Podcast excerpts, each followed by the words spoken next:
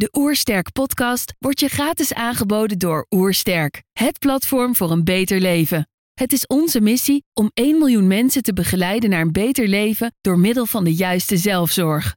Wil je weten hoe jij kunt werken aan een beter leven? Ga dan naar www.oersterk.nu gezondheidscheck voor onze gratis gezondheidscheck en krijg direct jouw uitslag met persoonlijk advies.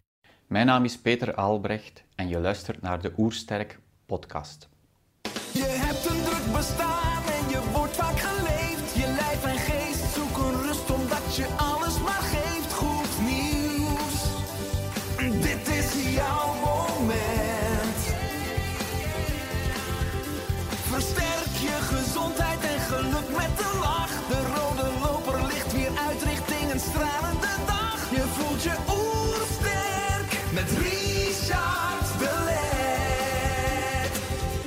Zijn hier in Heemskerk voor een podcast met Peter Aalbrecht.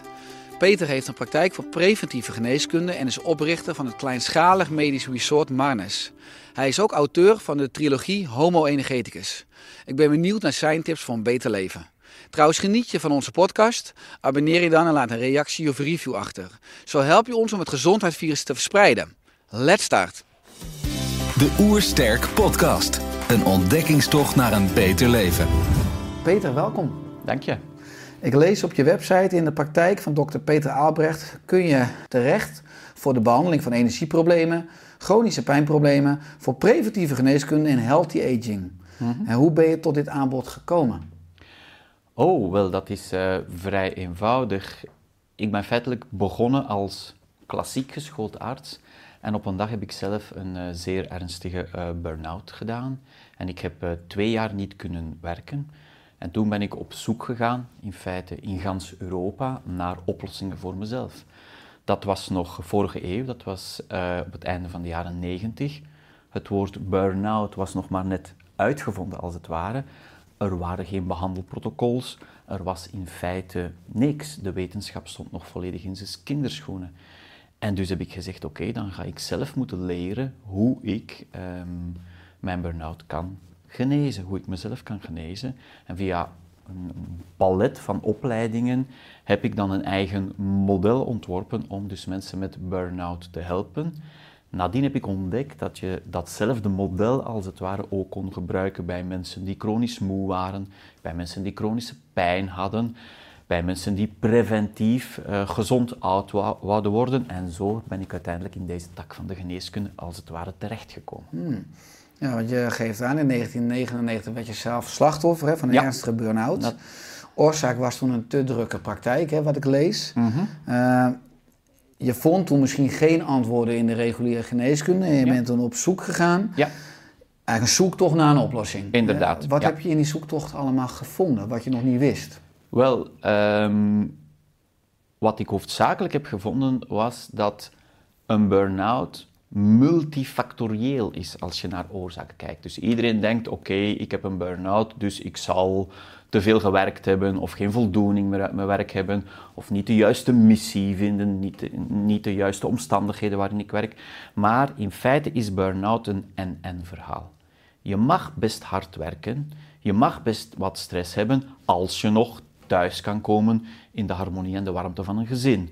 Als je nog een goed dag-nachtritme hebt, als je nog gezond beweegt, als je nog gezond eet. Als je met andere woorden nog voldoende in evenwicht bent op een aantal andere domeinen dan je werk. Dan kun je compenseren. Voilà, maar als het en stress op het werk is, en stress in de gezinssituatie, verwaarlozing van voeding, een fout dag-nachtritme, een, eh, een fout eh, evenwicht tussen wat moet en wat mag, hobby's, wat voedt mij, wat neemt energie, wat, pakt, eh, wat geeft energie.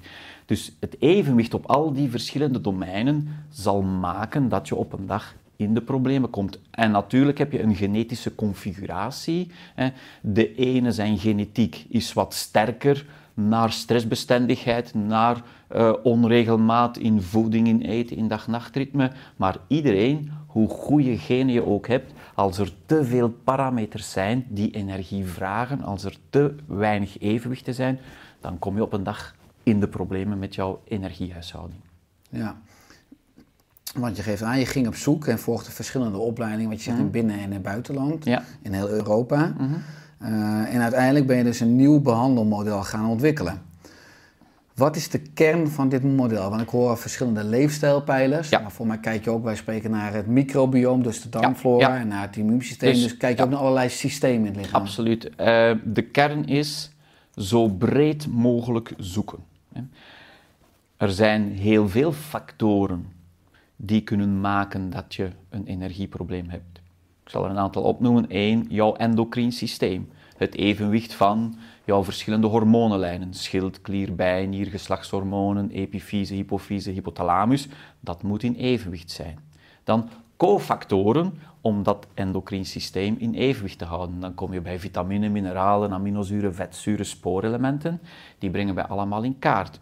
Het microbioom, dus jouw totale genetische kaart van jouw darmflora. Dat zijn niet jouw eigen genen, maar dat is het, de genetische configuratie van de bacteriën die in je darm leeft. Is van gigantisch belang voor eh, jouw energiehuishouding. We gaan ook kijken naar de performantie van het immuunsysteem.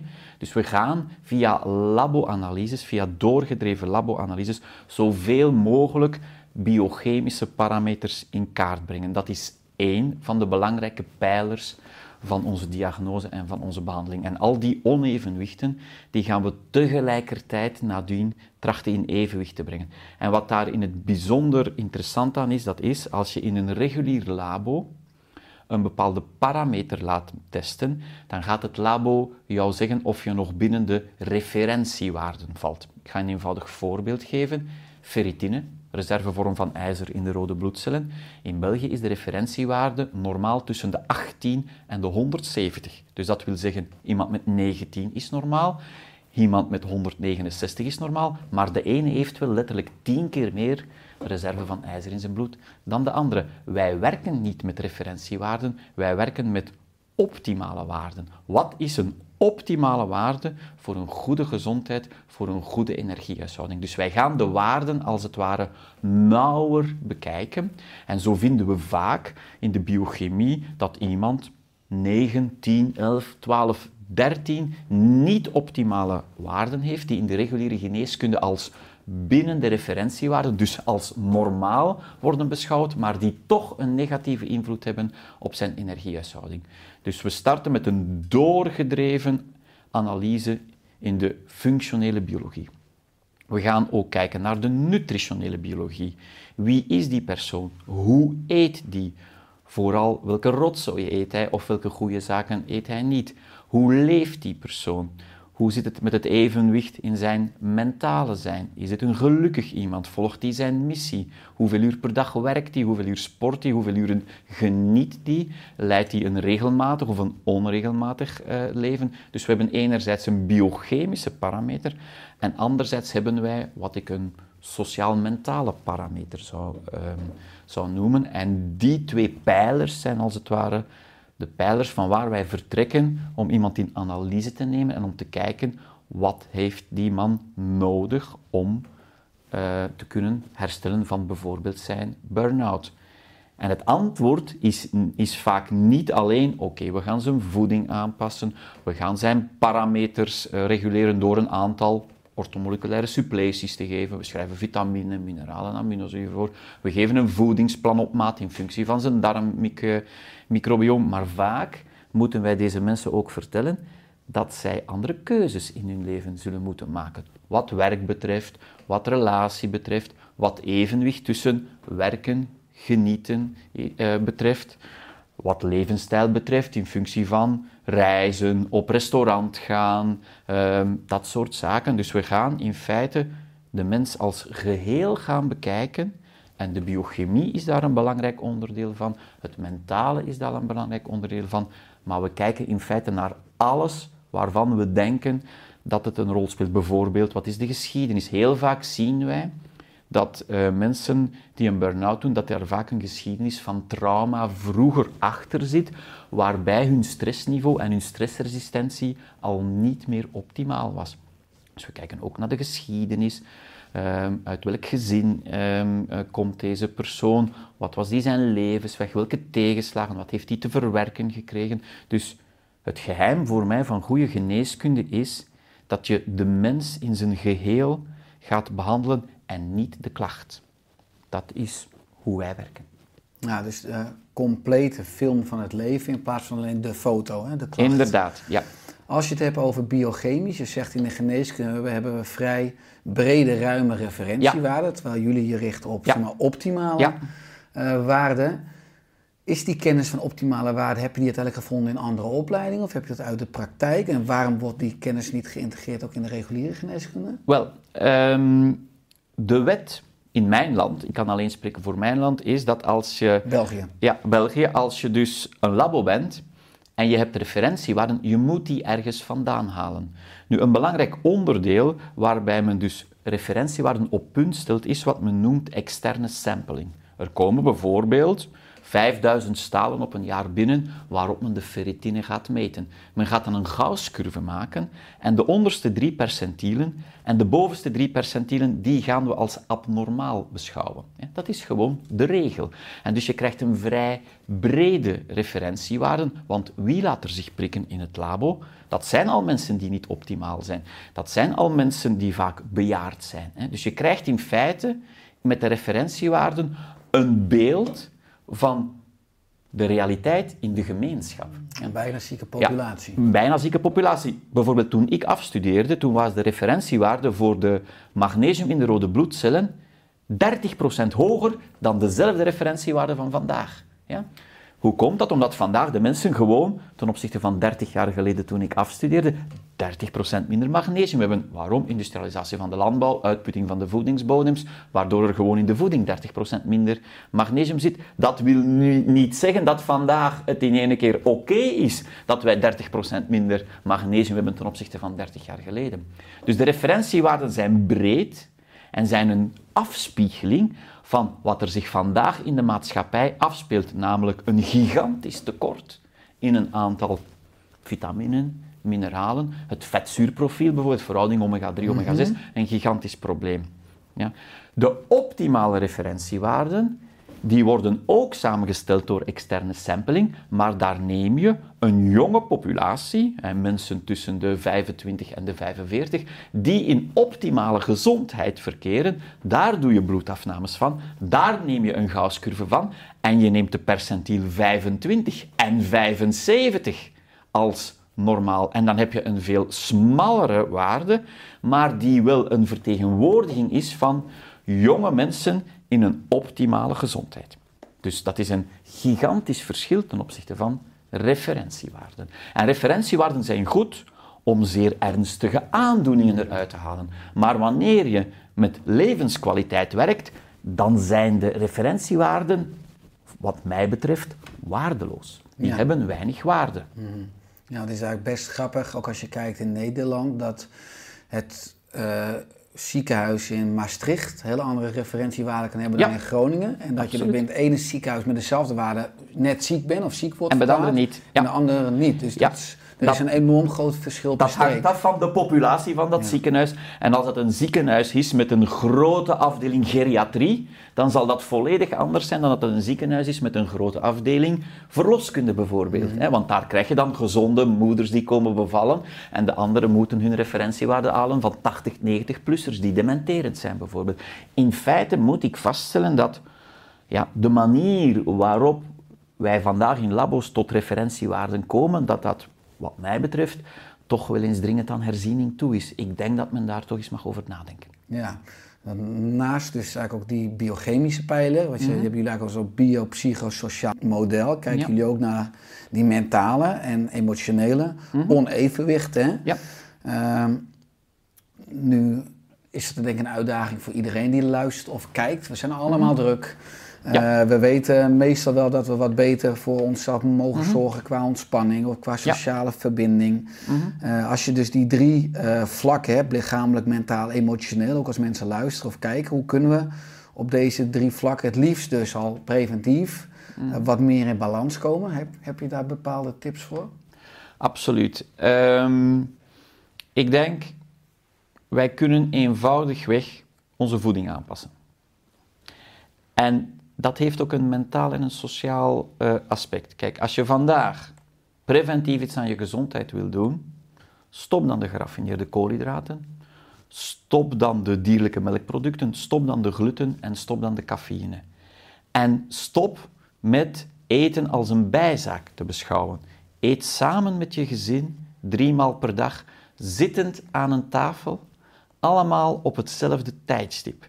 Want vandaag zie ik mensen eten achter het stuur van hun wagen, rijdend op hun fiets, op de trein, de fastfood. Ik ga binnen in een fastfoodrestaurant, ik heb op een minuut mijn voeding en ik prop het op drie minuten in mijn mond en hup, ik ga terug in de rat race. Vroeger was voeding een sociaal gebeuren. Gans het gezin zat samen aan tafel, er werd gepraat, het was een heel fijn, ontspannend moment. En nadien, uitbuiken zeggen jullie in Nederland, nadien was er ook nog een moment van rust zoals de dieren in de natuur ook doen. Verteren is een parasympathisch proces. Dat moet plaatsvinden in rust. En de zorg die wij besteden aan het klaarmaken van de voeding is echt ook een heel ontspannend moment. Er is een onderzoek dat uitgekomen is in 1947 en dat toen bleek dat een gemiddelde vrouw, die toen nog huisvrouw was, 50% van haar dagtaak wijde aan de voeding van haar gezin. Vandaag wijdt een gemiddelde vrouw 5% van haar dagtaak aan de voeding van het gezin. Ja? Dus we kunnen in die parameter, in die pijler, heel veel doen. Als, je, als ik mag ingaan op één, één voorbeeld wat je noemt binnen deze pijler, bewerkte koolhydraten. Hè? Dat is natuurlijk Ja. een abstract begrip. Dan heb je het over brood, Dan heb ik het over rijst. witte gekristalliseerde suiker, dan heb ik het over eh, witte bloem, dan heb ik het over eh, witte rijst. Hè. Dat zijn in feite lege koolhydraten. Hè. Dat zijn koolhydraten die heel snel in onze darm worden opgenomen. Onze bloedspiegelsuiker stijgt heel snel, onze pancreas moet dan insuline maken, we doen dan een hypoglycemie. Onze bijnier moet dan cortisol maken om aan de lever de opdracht te geven om van zijn glycogeenreserve suiker te maken. En we krijgen dus een ganse dag een rollercoaster van hypo's en hyperglycemieën. Dat put onze bijnier uit, die belangrijk is voor het maken van onze antistresshormonen. En voor je het weet zit je in de problemen. Als je de geraffineerde koolhydraten, de gluten, de dierlijke melkproducten en de cafeïne laat, stijgt jouw energieniveau met 25 à 30 procent. Alleen maar daardoor. Alleen maar door de voeding aan te passen. Een tweede iets wat heel eenvoudig in het dagelijks leven kan toegepast worden, dat is ga op hetzelfde tijdstip slapen, sta op hetzelfde tijdstip op en eet drie maal per dag op hetzelfde tijdstip. Geen zesmaal, geen tweemaal en steeds op hetzelfde tijdstip. Ons metabolisme heeft regelmaat nodig. Onze hormonen, onze spijsverteringsenzymen, die worden afgescheiden volgens wat wij een circadiaan ritme noemen. Dat wil zeggen, bepaalde hormonen, zoals het slaaphormoon melatonine, dat wordt s'nachts afgescheiden. Cortisol, wat energie geeft en ontstekingsremmend werkt, dat wordt overdag afgescheiden. Wanneer je daar gaat aan rommelen, dan wordt gans dat systeem als het ware ontregeld. Hm? Dus, een belangrijke tip is, leef regelmatig. En regelmaat, dat is vaste tijdstippen. Ook vaste tijdstippen voor bewegen.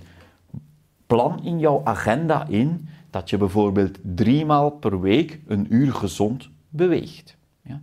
Plan in jouw agenda quality time met je partner in.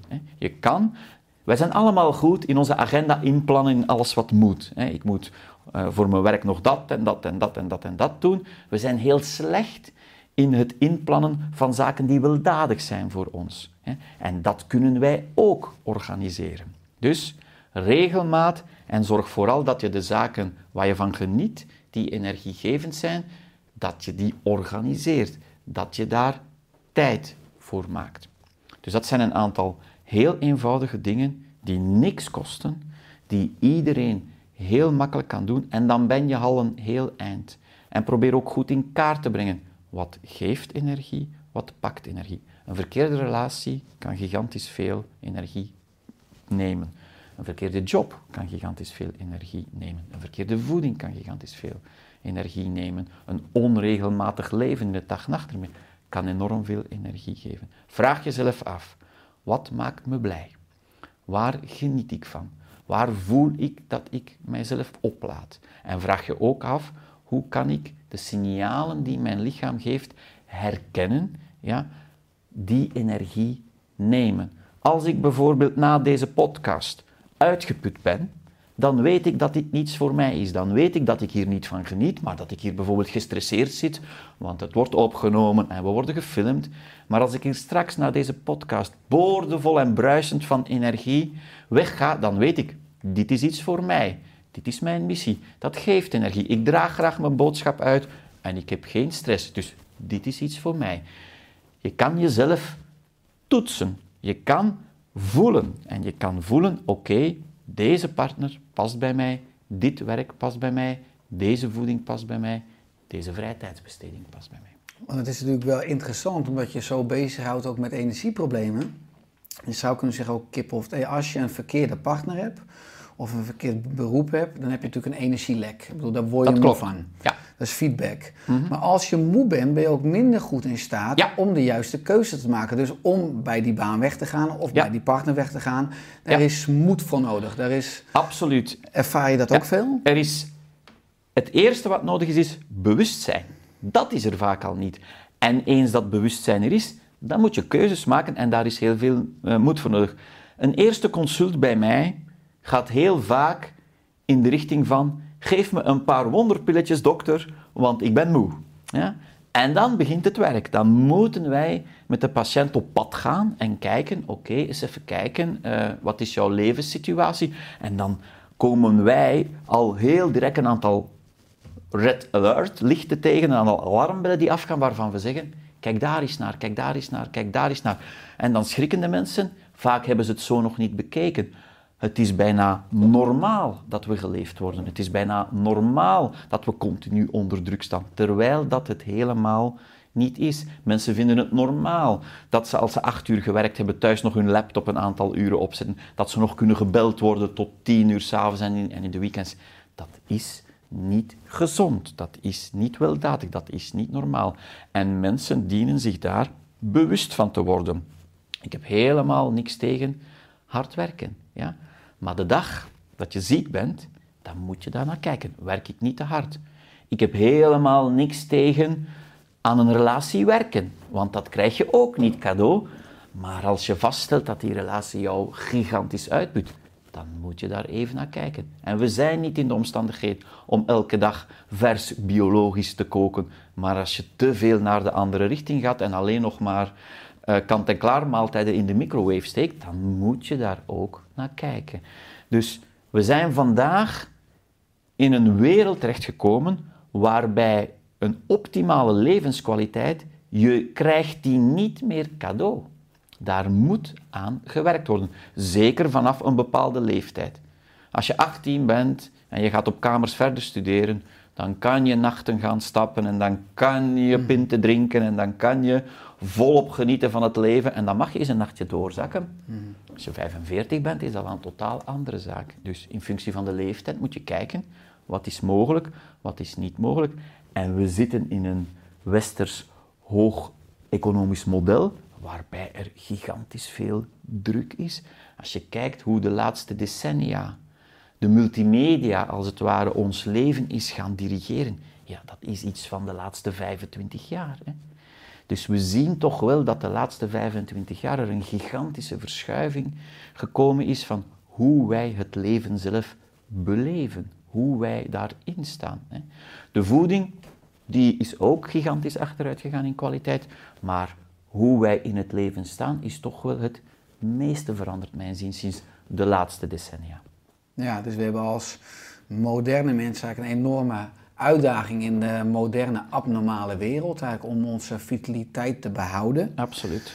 Eh, ik hoor jou continu praten over kwaliteit van leven. Hè. Ik Mhm. hoorde je zeggen in een ander interview, de geneeskunde richt zich meer op levenskwantiteit eh, dan op levenskwaliteit. Dat is natuurlijk ook zo. Mhm. Een beetje jouw stokpaardje. Wat is eh, dan jouw visie op, op, dus op levenskwaliteit?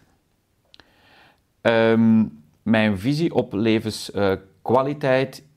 Ik begrijp in feite de vraag niet goed. Wat bedoel dus je met de- visie op kwaliteit dus ten hoe- opzichte van kwantiteit? hoe zou ook de geneeskunde veel meer ook misschien dus de transitie kunnen maken van Aha. kwantiteit naar kwaliteit? Want waarom is dat het echte goud? Oké, eh, vandaag de dag is de geneeskunde heel goed in diagnoses stellen en in symptomen behandelen. hè. Ik geef een voorbeeld. Iemand komt bij mij en zegt, ik heb al tien jaar migraine. Als je bij een klassiek geschoolde arts komt, dan duurt die consultatie 5 à 10 minuten en ga je buiten met een aantal pijnstillers. Ja? Ik vraag mij af, waarom heeft die man of vrouw migraine? Ja? Wie is de persoon achter dit verhaal? Wat zijn de verschillende mogelijke parameters die ik te, onder, die ik te onderzoeken heb om te kijken hoe ik deze hoofdpijn kan wegnemen. Niet kan behandelen met een pilletje, maar kan wegnemen. Voor mij is dat hetzelfde als ik morgen mijn been breek, dan ga ik geen pijnstiller nemen. Dan moet dat been in het gips of dan moet er een operatie komen, dan moet dat been gezet worden. Wel, dat is voor mij met alle klachten zo. Vandaag de dag stel ik, en ik betreur dat, stel ik vast dat de overgrote meerderheid van de artsen goed zijn in een symptoom bestrijden met medicatie en zich verder helemaal geen vragen stellen. Artsen stellen zich geen vragen over voeding, levenswijze, evenwicht in het mentale welzijn. We zijn bezig met klachtenbestrijding. We nemen te weinig tijd voor onze patiënt en we zijn biochemisch klachtenbestrijding. En verder hebben we een hele technische geneeskunde. We zijn heel goed in de meest ingewikkelde uh, operaties, in de meest ingewikkelde beeldvormingstechnieken. En dat vind ik wel goed. Hè. En daarmee redden we levens. Net zoals we met vaccins levens hebben uh, gered. Net zoals we met antibiotica levens hebben gered. Maar we zijn heel veel afgegleden naar een te technische, te symptoombehandelende manier van hoe wij onze geneeskunde um, bedrijven. Preventie bijvoorbeeld, dat bestaat op papier. Ik bied dat aan. Mensen kunnen bij mij terecht voor preventie. Ik denk dat ik vijf patiënten per jaar heb die daarvoor komen. De rest komt bij mij als het echt niet anders meer kan. Dus ook de bevolking zelf heeft daar een aandeel in. Ze gaan bij de dokter als het echt moet. Dus we zitten in feite, zowel in de geneeskunde als in de patiëntenpopulatie, toch wel een beetje met een model dat niet meer past vandaag in deze snelle maatschappij, waarin je in feite minder en minder kwaliteit hebt. Moe zijn is haast een modewoord geworden. Iedereen is moe. Iedereen klaagt over moe zijn. Dan heb je geen levenskwaliteit. Mhm. Het is misschien ook natuurlijk zo dat de reguliere geneeskunde gefundeerd, gefundeerd is op infectieziekten als belangrijkste ja. doodsoorzaak voor 1900. Ja, dat klopt. Dat we na 1900 eigenlijk mhm. een toename zien van chronische aandoeningen door welvaartsziektes. Door allerlei mechanismes, mhm. hormonaal, microbioom. Die, die uit balans raken, waar eigenlijk de reguliere geneeskunde geen adequaat antwoord op heeft. Dus mensen gaan naar huis bijvoorbeeld met medicatie die mhm. de lever belasten. Dus op de lange termijn wordt het probleem alleen maar groter. Dat klopt. En je kan dat de artsen ook niet kwalijk nemen, want het zit niet in de opleiding. Uh, ik heb een neefje die uh, vorig jaar is afgestudeerd. Hij specialiseert nu anesthesie. En ik heb hem gevraagd, hoeveel uur op jouw volledige opleiding heb jij les gekregen over voeding? Het antwoord was nul uur. Toen vroeg ik hem, hoeveel uur heb jij opleiding gekregen over zaken zoals vitaminen, mineralen, aminozuren, vetzuren. Zes uur. Ik vroeg hem, hoeveel uur opleiding heb je gekregen over labodiagnose op gans opleiding? Zes uur. En dan denk ik, ja, inderdaad. Je kan het de collega's, zelfs die vandaag afstuderen, niet kwalijk nemen dat zij nog steeds een opleiding hebben volgens een model dat al 50 jaar vast ligt in de universitaire opleiding tot arts. We zien dat dat model weinig beweegt. Aan universiteiten ja, krijg je complexe pathologieën ja, en heb je niet zoveel te doen met uh, levenskwaliteit. Dat, dat is een, een gebied dat in de eerste lijn zit. Bij verpleegkundigen, bij artsen. Maar ze krijgen wel een opleiding alsof zij in de tweede lijn in de ziekenhuismilieu zitten. Dus daar is volgens mij toch nog wel wat optimalisering mogelijk in de opleiding zelf. Mm, en dan heb je natuurlijk ook nog de farmaceutische industrie. Een belangrijke groep die ook wel veel invloed heeft op de opleiding.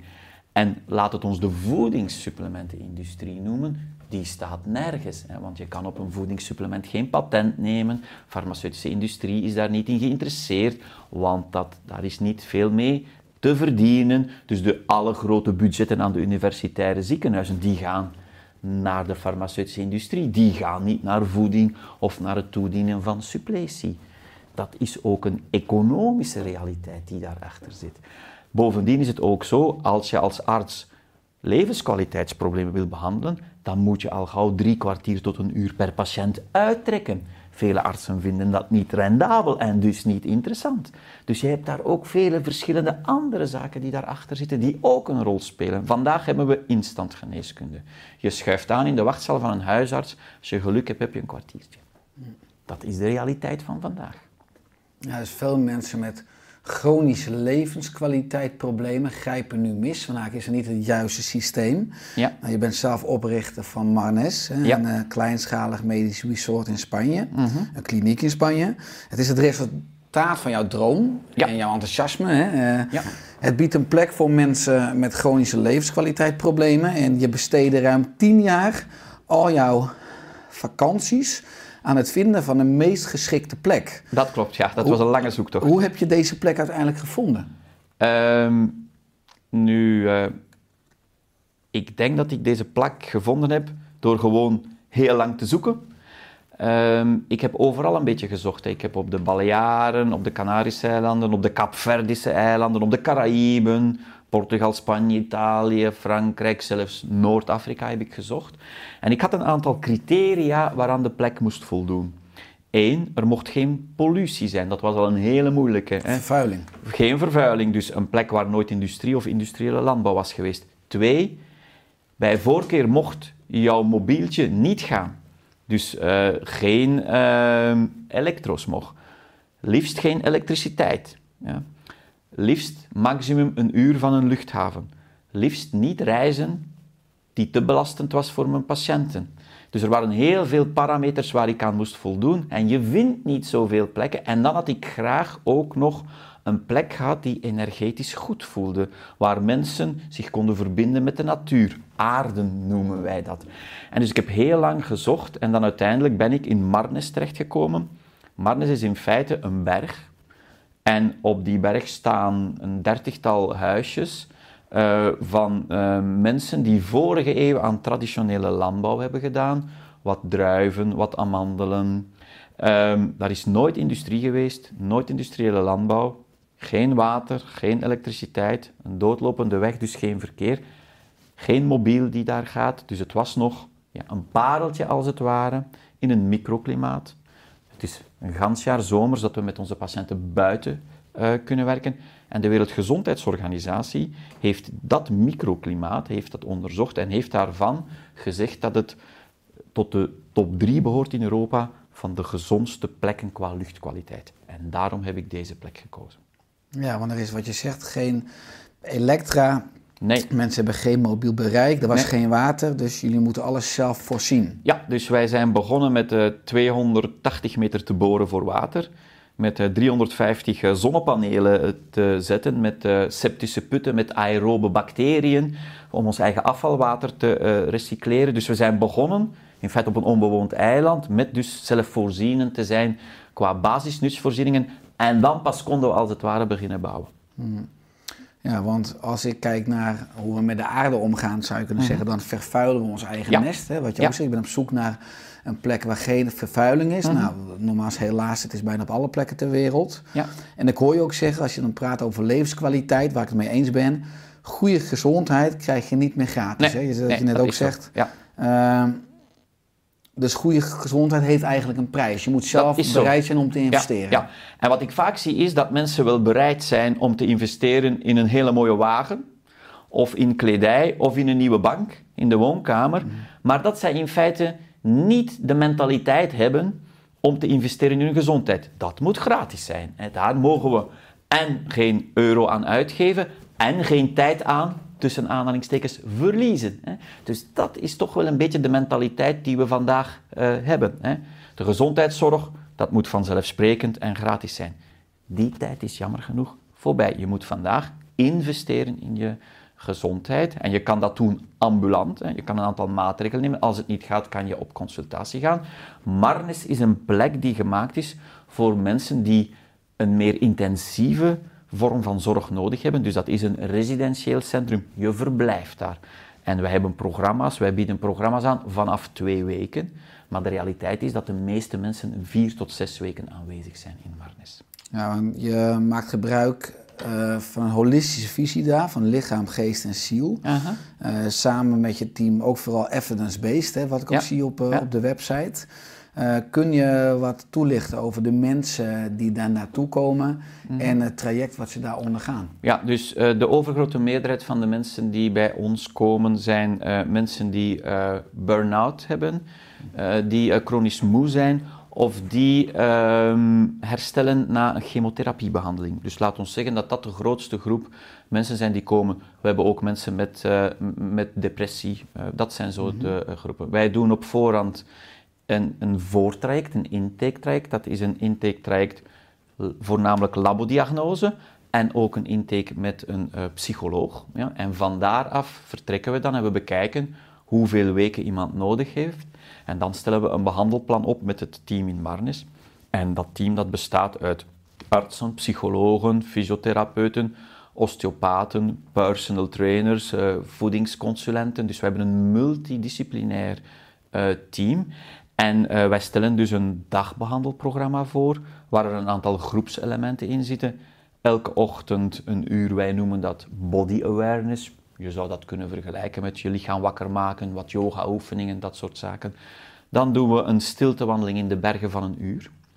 En van 11 tot 1 hebben we een individueel blok voor de patiënten, van 2 tot 4 en van 4 tot 6. En van 6 tot 7 hebben we nog een relaxatie-meditatief moment. En in die drie blokken, individueel, dat kan in functie van de pathologie van alles, zijn. Dat kan een infuus zijn door de arts ge- gegeven met vitamine, mineralen, aminozuren. Dat kan een eh, bezoek aan de psycholoog zijn, of aan de osteopaat, of aan de fysiotherapeut, of aan de personal training. Dat kan een ehm, bepaalde vorm van massage zijn, een shiatsu-therapiebehandeling, een acupunctuurbehandeling. Dus wat wij doen is, wij gaan een programma maken op maat van de patiënt. Dus wij hebben geen voorafgaande dogma's, de patiënt moet dat traject volgen. Nee, we vertrekken, wie is de patiënt? Wat is zijn hulpvraag? Wat heeft hij nodig? En we bouwen de behandeling er rond. Met alle tools die we hebben. We hebben twee keer per week therapeutenvergadering. Daarop maken we de nieuwe behandelplannen en evalueren we de aangangzijnde eh, behandelplannen. Dat is hoe wij werken. Ja, want de meeste mensen die komen dan met chronische energieproblemen. Dat klopt, ja. Wat is het criterium voor mensen om weer naar huis toe te gaan? Beslissen zij dat? Beslissen jullie dat? Gaat het samen? Dat gaat samen. Dus eh, op voorhand hebben wij een, spreken wij een traject af in functie van het labo, in functie van de, wat de psycholoog zegt, in functie van de diagnose als het ware. Zeggen wij tegen de patiënt, wij denken dat jij vier weken nodig hebt. Ja? En dan maken wij een programma met een, met een behandelboog, zoals wij dat noemen, van vier weken. Zien wij tijdens het programma dat wij meer nodig hebben, dan zullen wij met de patiënt eh, bespreken en dan kan die kiezen om te verlengen of, of, of om een ambulant natraject te volgen in zijn eh, land van waar hij komt. Dus wat, wat ook een wezenlijk verschil is met de traditionele geneeskunde, is dat wij een partner zijn van de patiënt. Wij zetten ons er niet boven. Wij zijn daar niet met het betuttelende vingertje van de dokter zegt dat je dat of dat moet doen. Nee, wij zullen de patiënt als het ware bewust maken van waar hij zit, wat hij nodig heeft, zodat hij nadien zelf aan de slag kan met zijn gezondheid. Wij zullen hem tools meegeven. Hij krijgt een kookboek van mij mee, zodat hij thuis nadien terug gezond kan koken. Hij krijgt een trainingsplan mee, zodat hij nadien de juiste, beweging kan, eh, eh, de juiste bewegingsvorm kan doen. Hij zal met de psycholoog een traject doorlopen dat hem voorbereidt op terug naar zijn eh, thuisland terugkeren en wat daar dan eventueel nog nodig is. Wij volgen onze patiënt ook een jaar op met een aftercare-app die wij op zijn mobieltje installeren. Dus wij proberen niet alleen in Marnes een transformatie te doen, maar wij gaan nadien de patiënt ook nog opvolgen. Dus dat is een, een programma dat in samenspraak met de patiënt wordt gemaakt. Ja, want dat is natuurlijk de grote uitdaging. Je haalt mensen uit hun context, die gaan naar Spanje. Ja. Nou, dan word je helemaal zeg maar, gepamperd. Alles, Ja. iedereen, er wordt voor je gekookt, Ja. er wordt voor je ontzorgd. Je kan aanschrijven bij een ontspannende meditatie. Ja. Alleen op een dag ga je terug en dan is het natuurlijk Ja. eh, een levenskunst om met die toegenomen energie betere beslissingen te gaan maken. Daar gaat het om. En dat conflict zien keuzes maken. zoeken. Dus dat is belangrijk. Bewust worden, ook leren in Marnes. Wat herken ik? Hoe kan ik de signalen die mijn lichaam mij geeft niet negeren door op wil en op moeten verder te gaan, maar hoe kan ik naar mijn lichaam luisteren? Wat heb ik nodig? Welke info heb ik nodig? En welke beslissingen kan ik dan nemen? En dan gaat het over keuzes maken. Dus wij gaan de mensen hun eigen verantwoordelijkheid voor hun welzijn terug leren opnemen. Ja, ik ken een aantal mensen die in het resort zijn geweest, hè, die radicaal zijn opgelapt of opgeknapt. Ja? Is dat eerder regel dan uitzondering dat mensen dus een radicale transformatie doormaken? Eh, het is regel. Het is eh, regel, ja, waarom? Je bent in een ideaal milieu. Alle prikkels zijn weg. Ja? De voeding is perfect op jou afgestemd. De therapie is perfect op je afgestemd. Het is ja, bijna onmogelijk dat er geen beterschap zou zijn. Ja? Eh, dus wij zien dat, er, eh, dat wij grote transformaties eh, bereiken bij de overgrote meerderheid van de patiënten. Of zij dan nadien thuis de juiste keuzes maken en hoe lang zij daar dan nog van genieten. Ja, wij kunnen alleen maar de tools aanreiken. En in Marnes hebben we het zelf in, onder controle natuurlijk. Hè. Daar kunnen wij dat goed managen, dat dat perfect loopt. En wij hopen dan dat zij voldoende geleerd hebben om dat thuis verder toe te passen. En eh, wij volgen dat ook eh, statistisch op om te kijken. eh, via, dat is ook een van de redenen waarom wij die aftercare heb- hebben. Niet alleen om aftercare te geven, maar ook om onze eigen resultaten in kaart te brengen. En wij zien dat bij de mensen die terug naar huis gaan, dat er daar een groep is die dat heel uitstekend doet. Maar er is ook een groep waarbij de keuzes die zij moeten maken te moeilijk zijn, te kostelijk zijn en zij kiezen dan voor een andere weg. En dat is dan ook helemaal oké, maar daar zie je dan af en toe mensen die nadien toch wel terug in problemen dreigen te komen. Ja. ja, wat ik zo mooi vind aan jouw visie is ook dat als je kijkt naar energieproblemen of naar energie, dat is natuurlijk het geheim van het leven, Mhm. energie. Eh, de moderne mens moet heel veel ballen hoog houden, heeft heel veel verschillende taken en functies. En heel veel mensen zijn moe, heel veel mensen zijn uitgeput. Mhm. Ik denk dat de bruisende mens die energiek uit Mhm. bed springt voor een groot deel aan het uitsterven is.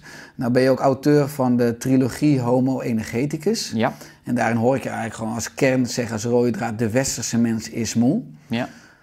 Ehm, heb je een paar tips om onze energiehuishouding ook te verbeteren? Want ik hoor je onder andere, als ik kijk in de index, de inhoudsopgave van het boek, zie ik bijvoorbeeld een begrip terug naar het oorspronkelijk bewustzijn. inderdaad. Ja. Maar hoe kan de westerse mens dus minder moe worden? Blijven. Ehm, ik denk dat de westerse mens eh, vandaag moet naar binnen gaan terug. Hè. Vandaag zit de westerse mens vooral buiten zichzelf. Heel, wij worden gebombardeerd met prikkels. De hoeveelheid prikkels die wij vandaag krijgen op één dag, dat kreeg in de middeleeuwen een man op gans zijn leven te verwerken. Dus er zijn zoveel prikkels die op ons afkomen via alle moderne eh, eh, technologieën, dat wij vooral als het ware onszelf buiten onszelf zijn gaan verplaatsen en dat wij in die externe wereld vol prikkels leven. En wij gaan onvoldoende naar binnen. We gaan onvoldoende naar onze eigen ik kijken, naar ons eigen bewustzijn kijken. Een van de goede technieken bijvoorbeeld om dat wel te doen is bepaalde vormen van meditatie of bepaalde vormen van mediterend bewegen. Als je in de Verenigde Staten een, een levensverzekeringspolis afsluit en je kan bewijzen dat je aan meditatie doet, dan zakt jouw premie. Gewoon omdat er studies zijn die bewijzen dat als je dat doet, dat je minder snel moe bent, minder snel ziek bent en minder snel sterft. Dus heel eenvoudig, probeer een aantal rustmomenten in je leven in te passen. Je hoeft daarom zelfs geen fan van meditatie te zijn, waarbij je bijvoorbeeld in de natuur gaat wandelen. Je wandelt elke dag een half uurtje in de natuur. Je probeert een aantal keren per week, liefst per dag, een stilte moment voor jezelf te creëren waarbij je uit de flipperkast van het hoofd probeert te gaan, maar waar, waar je probeert je gewaar te worden van wat er van binnen in je lijf gebeurt. Hè. Vandaag de dag stellen wij ons de vraag niet meer, bijvoorbeeld bij een studiekeuze of bij een werkkeuze van Word ik daar blij van? Is dat mijn missie? Maar stellen wij ons vaak de vraag: hoe ver kom ik daarmee in de maatschappij? Hoeveel verdient dat? Dus we zijn een beetje verkeerd onze prioriteiten aan het leggen. Vaak worden partnerkeuzes ook gemaakt in functie van sociaal statuut, in functie van materiële zaken. Dus we zitten heel veel in de materie ver weg van ons eigen. En we stellen ons te weinig vragen over, zit ik nog goed? Is dit nog de juiste richting? Ben ik nog blij? Maakt mij dit nog gelukkig? We zitten vaak in de routinetunnel. Oké, ons werk is wel niet ideaal, maar het is misschien op een ander werk ook niet leuk. Oké, mijn partner is misschien niet ideaal, maar oké, hoe, ik, hoe mijn kinderen met mij omgaan of mijn buurman met mij omgaan is niet ideaal, maar ik vind dat we te snel tevreden zijn over onze levenskwaliteit, omdat er andere zaken, zoals materie, belangrijker schijnen te zijn. Dus ik denk dat we terug naar de basis moeten, naar onszelf, naar genieten. Daar moeten we terug naartoe. Ja, want je zegt, als je terug gaat naar het individu, dan heb je terug, zeg je terug naar de basis, genieten. Maar het is ook een probleem van onze soort. Hè? Want je, we leven in een maatschappij die ons continu naar buiten toe trekt. Ook letterlijk uit het lichaam door al die schermpjes en die apps en die notificaties. Mhm. Als je nou politiek macht zou krijgen in België en in Nederland. Als ze zeggen van Peter, we volgen je, je, bent, je, hebt, je, hebt, je hebt goede boeken, je hebt een goede visie. Uh, hoe zouden we dan de maatschappij uh, beter kunnen inrichten? Ook als je daar 50 miljard euro voor zou kunnen krijgen om in Nederland en België door te voeren. Maar dan denk ik dat de sleutel onderwijs is. En dan denk ik dat er in uh, het onderwijs een nieuwe richting zou moeten komen, uh, die uh, gaat over levenskwaliteit, naar binnen gaan, naar mijn gevoel gaan, leefsleutels. Leefsleutels aanreiken aan onze jeugd. Hè. Vroeger werden de leefsleutels aan, aan de jeugd in, de, in, het onderwijs aan, aangericht in de godsdienstlessen of in de filosofie of moraallessen. Wat een model is dat vandaag een beetje voorbijgestreefd is. De kerken zijn leeg. Ook uh, onze situatie binnen de gezin is veranderd. Vroeger was het gezin het model in de maatschappij. Nu hebben we vaak één ouder, uh, single gezin. Dus ik zou in het onderwijs ja, zou ik een vak creëren, ik zou dat leefsleutels noemen, waar het alleen gaat over wat voel ik, wie ben ik, wat maakt me blij? Wat is er echt belangrijk in het leven? Want als je vandaag naar het onderwijs gaat, wat is er belangrijk? Je scoren, dus je begint daar al met te presteren. Je scoren en van je scoren hangt af wat je mag studeren, welke plaats je in de maatschappij inneemt en daar hangt gans uh, jouw eigen economisch model als het ware aan vast. Je zou kunnen beginnen van in het basisonderwijs met een ander systeem. Hè? Met een systeem dat je de kinderen laat experimenteren om te kijken wat past bij mij, wat voelt goed, wat maakt mij gelukkig. Ik denk dat we moeten beginnen bij de basis. En dan zou ik een trapje hoger gaan en zou ik naar het werk kijken en dan zou er op elk werk verplicht een afdeling van preventie van burn-out, van life quality moeten zijn, normen voor de kantine. Vandaag de catering die het laagste biedt, krijgt krijgt als het ware de job om 3000 werknemers in een fabriek van voeding te voorzien. Nee, daar zouden criteria moeten komen.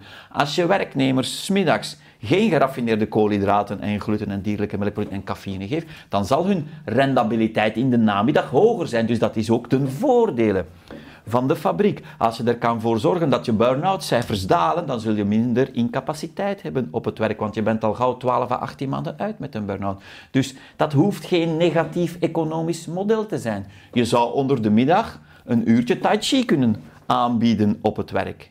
Je zou een aantal zaken, je zou ergonomisch materiaal kunnen gebruiken, goede bureaustoelen, je zou staande burelen kunnen hebben, je zou schermen kunnen hebben die niet te veel energie nemen. Dus er is al heel wat op de markt waar je iets kan meedoen. Je zou mensen meer van thuis kunnen laten werken. De corona was daar een voorbeeld van. Hè. Plots was het mogelijk dat iedereen thuis werkte. Voordien leek het voor vele sectoren onmogelijk. Dus we staan in het verkeer, in de files, we komen al opgejaagd op ons werk binnen. Er zijn modellen mogelijk om dat te veranderen. Je zou premies kunnen geven uh, aan de uh, voedingsindustrie uh, die organisch eh, oorspronkelijke eh, voeding op de markt brengt. En je zou boetes kunnen geven, je zou een vettax of een suikertax kunnen mm, eh, geven aan dus de producten die niet zo gezond zijn. Dus ik denk dat de overheid wel een aantal belangrijke zaken kan geven. Je zou op de openbare omroep een aantal programma's kunnen geven. We zenden vandaag Eucharistievieringen uit, we zenden van alles uit. Waarom zenden we geen programma's uit die gaan rond welke sleutels heb ik nodig om mij goed te voelen? Dus ik denk dat wij ook via de moderne, ik ben niet tegen de moderne eh, multimedia, hè. ik denk programma's zoals deze bijvoorbeeld, die zouden kunnen gesubsidieerd worden, want dat is belangrijk voor de levenskwaliteit. Als we dat vandaag introduceren, dan hebben we binnen 40 jaar 50% minder rusthuisbezettingen, want mensen zullen langer zelfredzaam worden.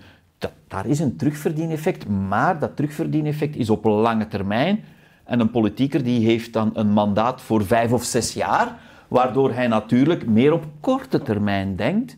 En we zien dat de, de kosten voor de gezondheidszorg uit de pan swingen in elk land in Europa. Dat komt juist omdat het budget voor preventie en voor wat we net besproken hebben vrijwel onbestaande is.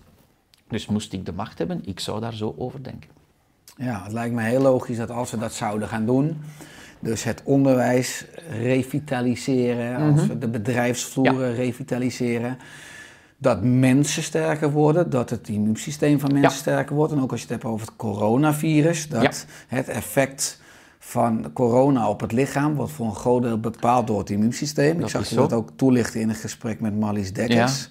Eh, dus dan zouden we er eigenlijk veel beter ook beschermd, hè, voorbereid Absoluut. op zijn. Ja, als je kijkt naar de statistieken van corona, wie sterft? Dat zijn in de overgrote meerderheid 80 en 90-plussers of obese 50-plussers mannen met reeds een andere aandoening die eronder zit. En op de tv zien we dan af en toe een gigantische uitzondering van een jonge, vitaal persoon die daaraan overlijdt, maar dat is een gigantische uitzondering. Als je naar de statistieken kijkt, dan kan je niet anders dan concluderen dat de symptomen die je al dan niet krijgt van corona en de ernst van de symptomen, dat dat een kwestie is van de staat van het immuunsysteem. Dat is eenvoudig. Dat is gewoon zo. Je kan dat zo uit de statistieken aflezen. En oké, er, er zullen nog virussen op ons afkomen in de toekomst.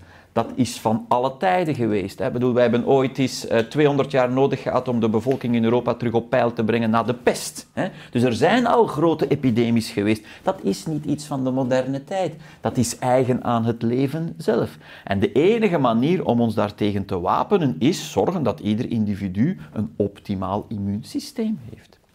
Kunnen we nog een enorme slag slaan dus. Absoluut, absoluut. ja. Als je met jouw passie en je enthousiasme en al je activiteiten, hoe zorg jij zelf voor balans in jouw leven?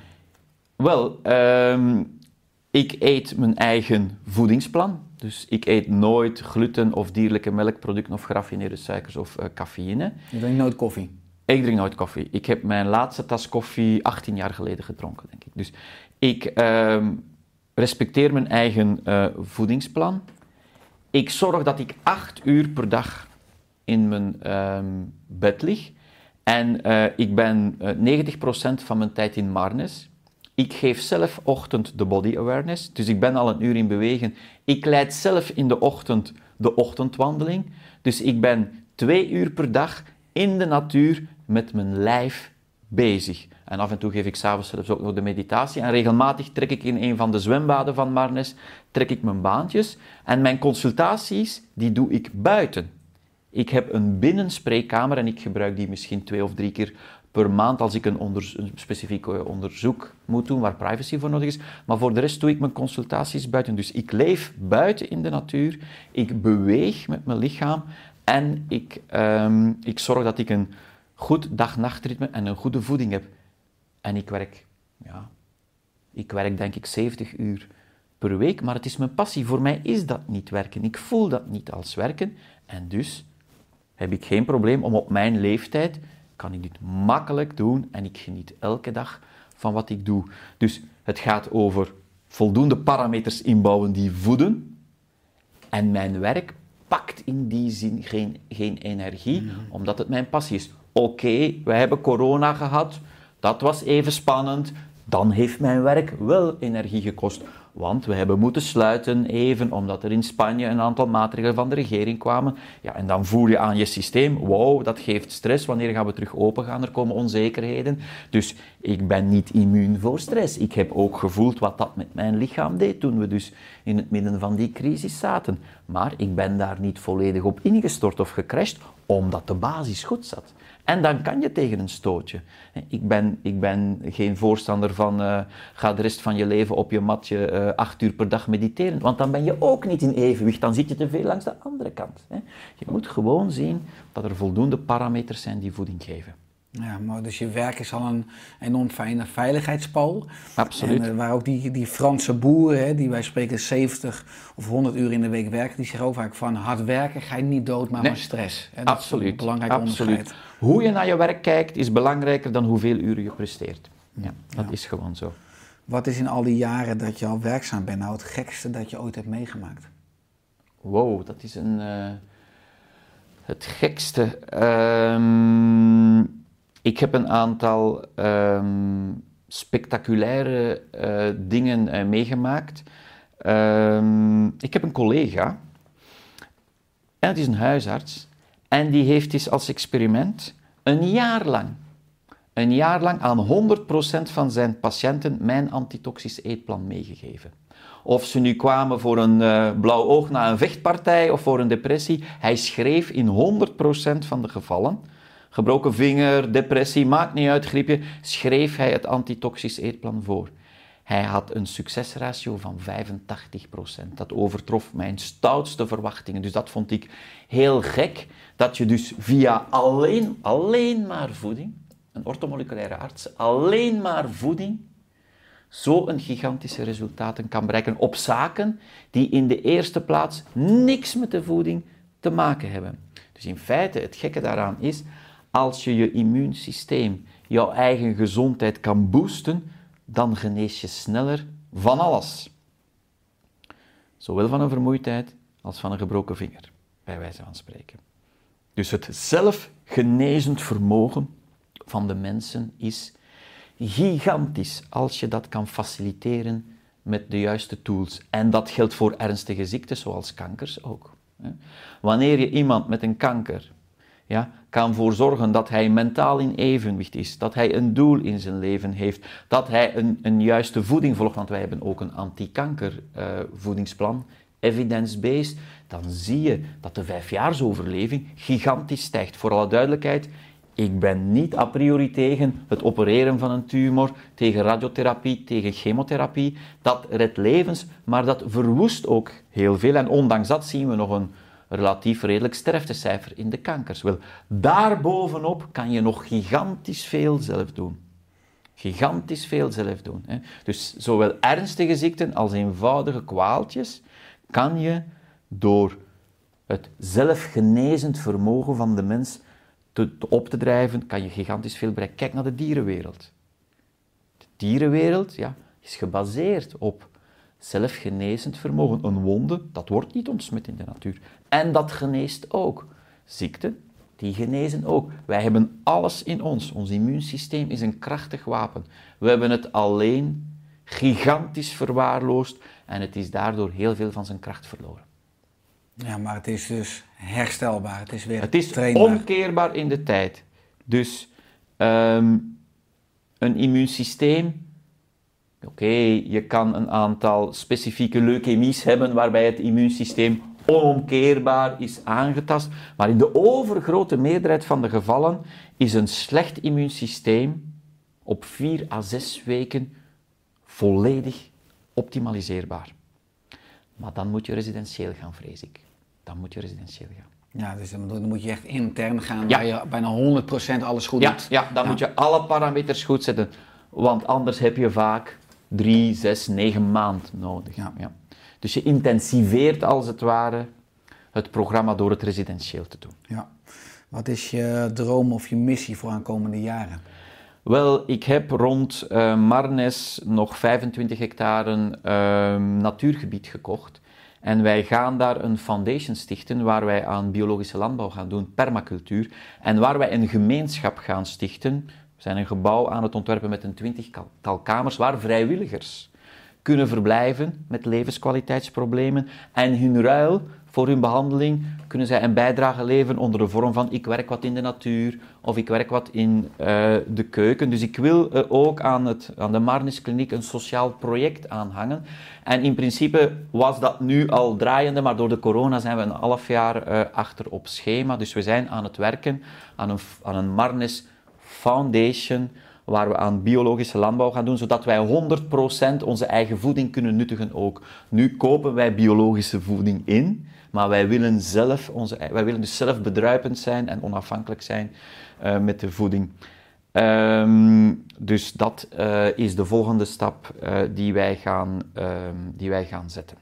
Het kunnen niet meer dan 20 kamers worden, want er zijn tienduizenden mensen die deze podcast luisteren of, uh, of okay. kijken. Oh. Uh, het kunnen altijd uh, meer kamers worden, maar dat zullen dan units zijn. Hmm. Bijvoorbeeld, hè, een unit is maximum 15 mensen. Want wat voor mij essentieel is, is de persoonlijke aandacht die het individu krijgt. Ik wil geen kliniek met 100 bedden waar de patiënten een nummer zijn. Ik wil elke ochtend iedereen persoonlijk kunnen begroeten, er een praatje mee maken en informeren hoe het met hen is. En ik wil beschikbaar zijn, dat die mensen me bij de schouder kunnen pakken als ze een vraag hebben of een probleem hebben. Dus wij zijn kleinschalig, maar dat model is natuurlijk multiplieerbaar. En wij zijn aan het nadenken over zouden wij nog geen tweede unit bijzetten, want wij hebben een bezetting van 100%. Dus wij zijn, uh, wij zijn uh, volboekt. Zelfs met een negatief reisadvies naar Spanje, zelfs met de corona, hebben wij toch een bezetting van 100% op dit moment. Ja, mooi. Peter, is aan het einde van de podcast nog iets wat je graag wilt toevoegen? Uh, ik wil feitelijk wat goed uh, nieuws toevoegen. Uh, wij zijn sinds twee weken erkend als een GGZ-inrichting. Dus ik heb een stichting in Nederland gesticht en ik heb een aanvraag gedaan om erkend te worden als een centrum voor geestelijke gezondheidszorg. Dus Nederlandse patiënten hebben terugbetaling vanaf heden. En daar ben ik heel blij mee, want als je zo'n intensief programma maakt, dan zit je natuurlijk met een grote kost aan personeel, wat zich natuurlijk vertaalt in de prijs, in de persoonlijke bijdrage die een patiënt moet leveren. Wel, vandaag uh, is het prijskaartje tot een derde voor iemand uit uh, Nederland, dankzij een erkenning uh, als GGZ-instelling. Gefeliciteerd. Dankjewel. Mooi. Waar kunnen mensen meer vinden over Marnes, over jouw praktijk, over de homo-energetica-serie? het is heel eenvoudig. We hebben um, de website marnes.com. En dan hebben we ook uh, de website marnesggz.nl voor dus de terugbetaling uh, te regelen. En als je Homo Energeticus indrukt op uh, Google, dan kom je automatisch op mijn boeken terecht en op, op Marnes. En daar kan je ook informatie vinden over de foundation. dus dat is vrij makkelijk te vinden op het net. Mooi streven. Dankjewel voor de komst in de Oerse Graag podcast.